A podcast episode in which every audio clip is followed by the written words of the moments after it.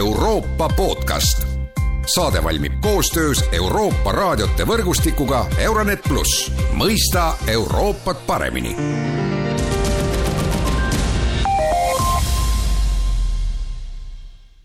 tere jälle kuulama Euroopa podcasti. Ukraina teema on midagi, mis pealkirjadest ei kao ja õigustatult. Tänases Euroopa podcastis räägime Ukraina võimalikust vastupealetungist, suhetest Hiinaga ja Vene vastastest sanktsioonidest. Telefonil on Välisministeeriumi kantsler Jonatan Vseviov, tere päevast! tere päevast! ja mina olen Erkki Pahovski. no alustame tõepoolest sellest kõige värskemast uudisest, et eh, Hiina president Xi Jinping helistas Ukraina presidendile Volodõmõr Zelenskile ja arutati siis rahu küsimust ja noh, välismeedia on täis igasuguseid spekulatsioone, mida see kõne võiks tähendada, üks eh, võimalus on see, et eh, Hiina kõne Ukraina presidendile võib tähendada seda ikkagi, et äh, Hiina ei äh, anna Venemaale relvi ja noh, Hiina on ikkagi pigem siis äh, Ukraina poolel, aga, aga mida arvatakse sellest siis Välisministeeriumis, Jonatan Vseviov? Ehm, no see on lai teema, aga võtame ta siis üksipulgi lahti, kõigepealt ähm, rahu ei ole miski, millest äh, oleks huvitatud vaid Hiina äh, või mõni teine suurriik maailmas rahust on eelkõige huvitatud Ukraina ja loomulikult oleme rahust huvitatud meie siin Euroopas, keda kõige vahetumalt see sõda puudutab. küsimus ei ole selles, kas keegi pooldab rahu või sõda, küsimus on selles, millisest rahust me räägime. Ja meie oleme selgelt väljendanud toetust Ukraina plaanile, nad nimetavad selle rahuplaaniks, aga nendele põhimõtetele, mis selles plaanis on, oleme ka ise omalt poolt välja öelnud täiesti ametlikult, mis on need parameetrid, millele peab tegelik rahu vastama.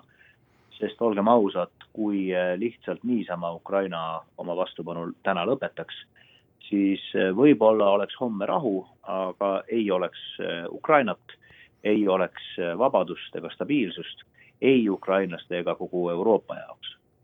nüüd selleks, et mängida mingisugust konstruktiivset rolli rahvusvahelisel areenil selle sõja kontekstis, on esmase eeldusena tarvis selgelt välja öelda, millega on tegemist. tegemist on ühe riigi agressiooniga teise riigi vastu. Me oleme üles kutsunud kõiki neid riike, kes seda veel pole selgelt välja öelnud, seda tegema. Ja loomulikult käib see ka Hiina kohta, käib see tegelikult kõigi nende riikide kohta, kes püüavad rääkida mingisugusest konfliktist või mingisugusest kriisist jättes mainimata selle, et tegemist on ühepoolse õigustamatu ebaseadusliku agressiooniga, mille Venemaa on valla päästnud. Ehm, teine oluline asi, mis äh, seda nüüd toimunud presidentide kõnet puudutab, äh, seondub asjaoluga, et Hiina president äh, külastas mõni aeg tagasi Moskvat, võttis selle agressiooni mitte küll seda sõna kasutades, aga siiski Venemaa liidritega jutuks. Ja sellest ajast oli ju selge, et kui mm, tahta kas või näiliselt etendada selles äh, konfliktis äh, konstruktiivset rolli, tuleb äh, rääkida tingimata mitte ainult agressoriga ja et agressoriga üldse kõnelemist vältida, aga tingimata tuleb rääkida agressiooni ohvriga. võttis omajagu aega, aga nüüd see kõne toimus, nii et selles mõttes on selle kõne toimumine iseenesest Hiina mm, rolli Eh, tasakaalustatuma esitamise mõttes eh, muidugi positiivne areng.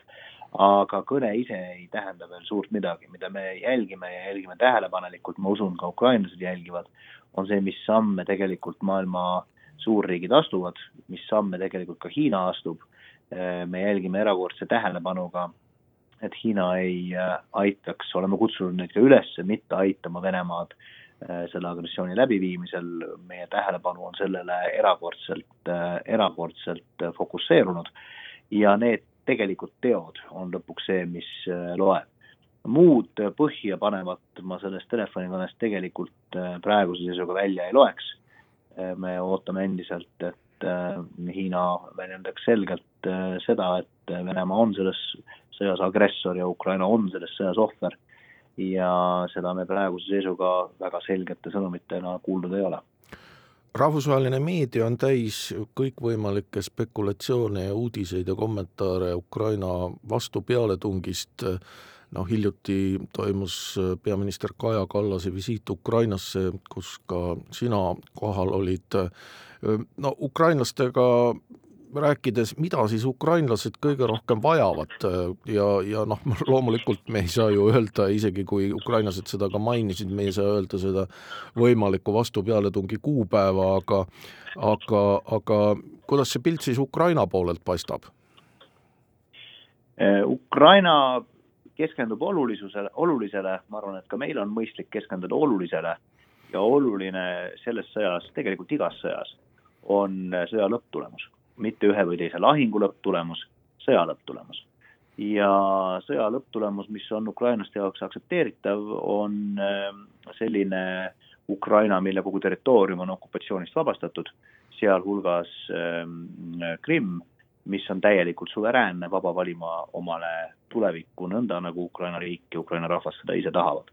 see on ka meie hinnangul see eesmärk, mille nimel äh, Lääs tervikuna, tegelikult kogu rahvusvaheline kogukond pingutama peab Ehm, Ukrainas eneses oli äh, tajuda tugevat enesekindlust, oli tajuda isegi teatud määral äh, optimismi.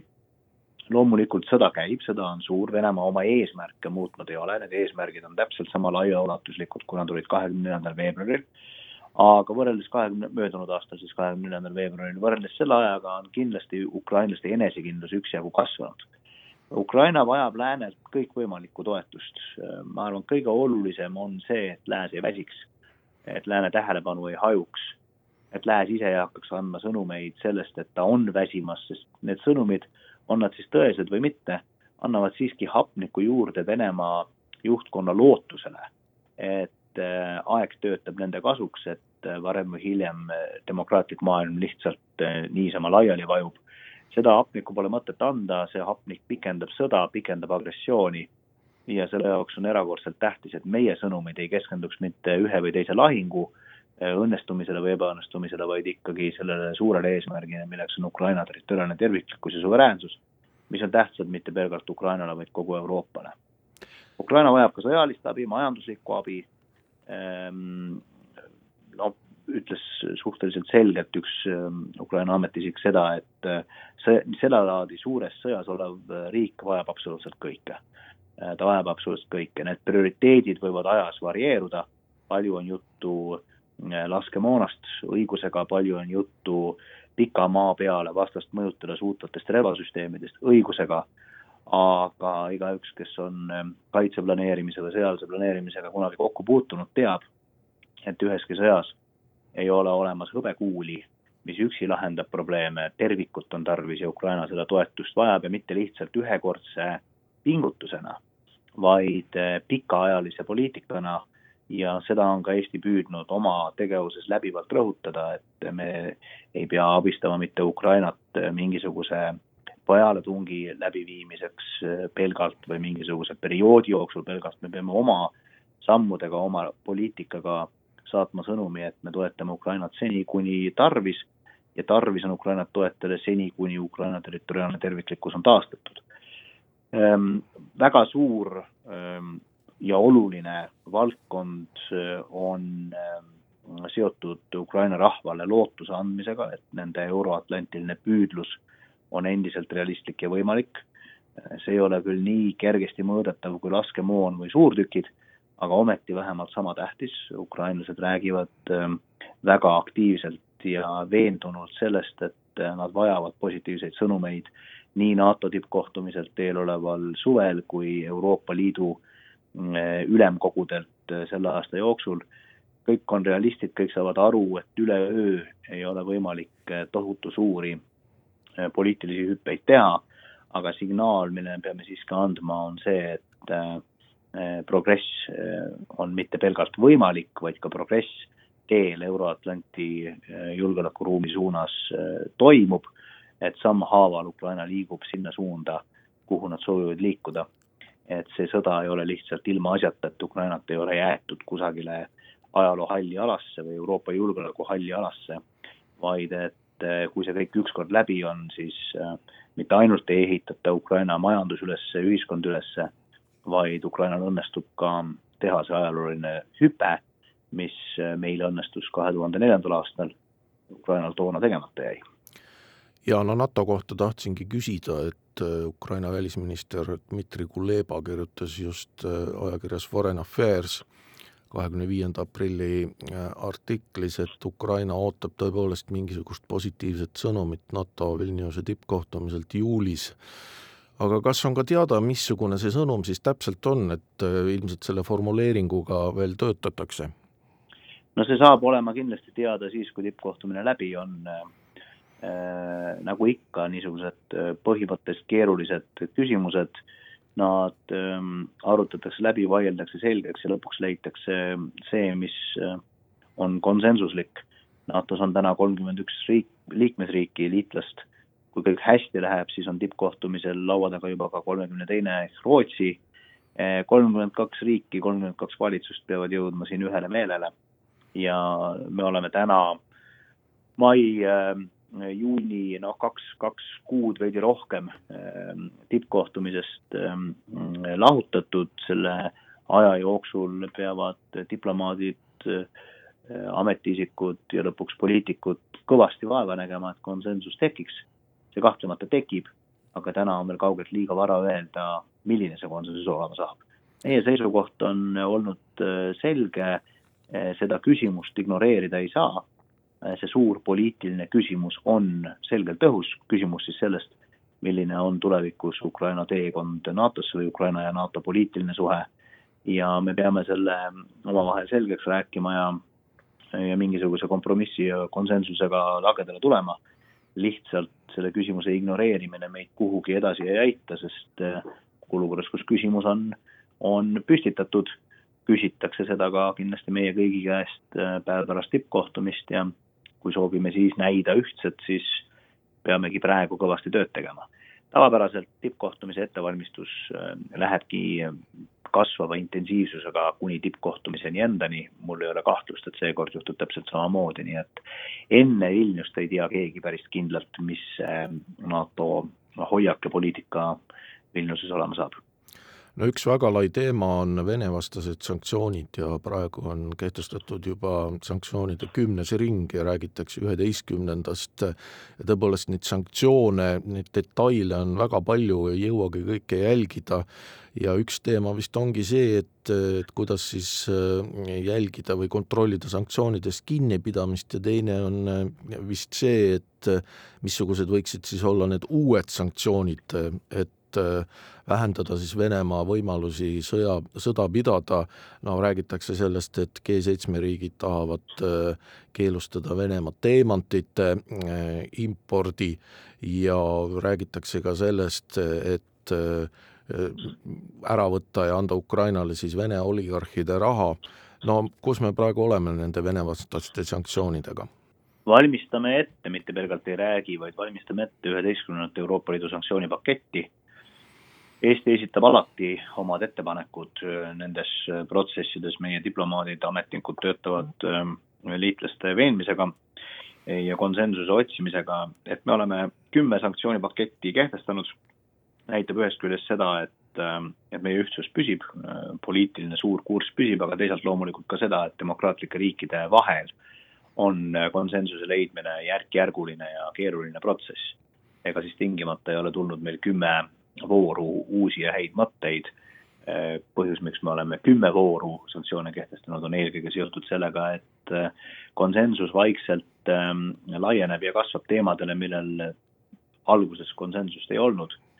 Ähm, see on demokraatliku riigivalitsemise paratamatus ähm, positiivne on see, et meie kurss on muutumatu ja suur sõnum, mida me sanktsioonidega saadame, on äh, kahetine, esiteks agressiooni jätkamise hind Venemaa jaoks on agressiooni lõpetamises hinnast kõrgem.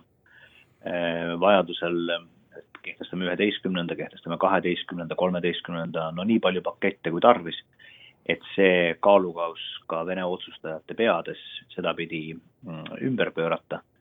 ja teiseks, et äh, nendest sanktsioonidest agressiooni jätkumise korral mingisugust pääsu pole, ei ole mingisugust pääsu tagasi normaalse elu, laadi elukorralduse juurde lootus, et lääs äh, poliitiliselt või majanduslikult ähm, kokku variseb, on äh, alusetu.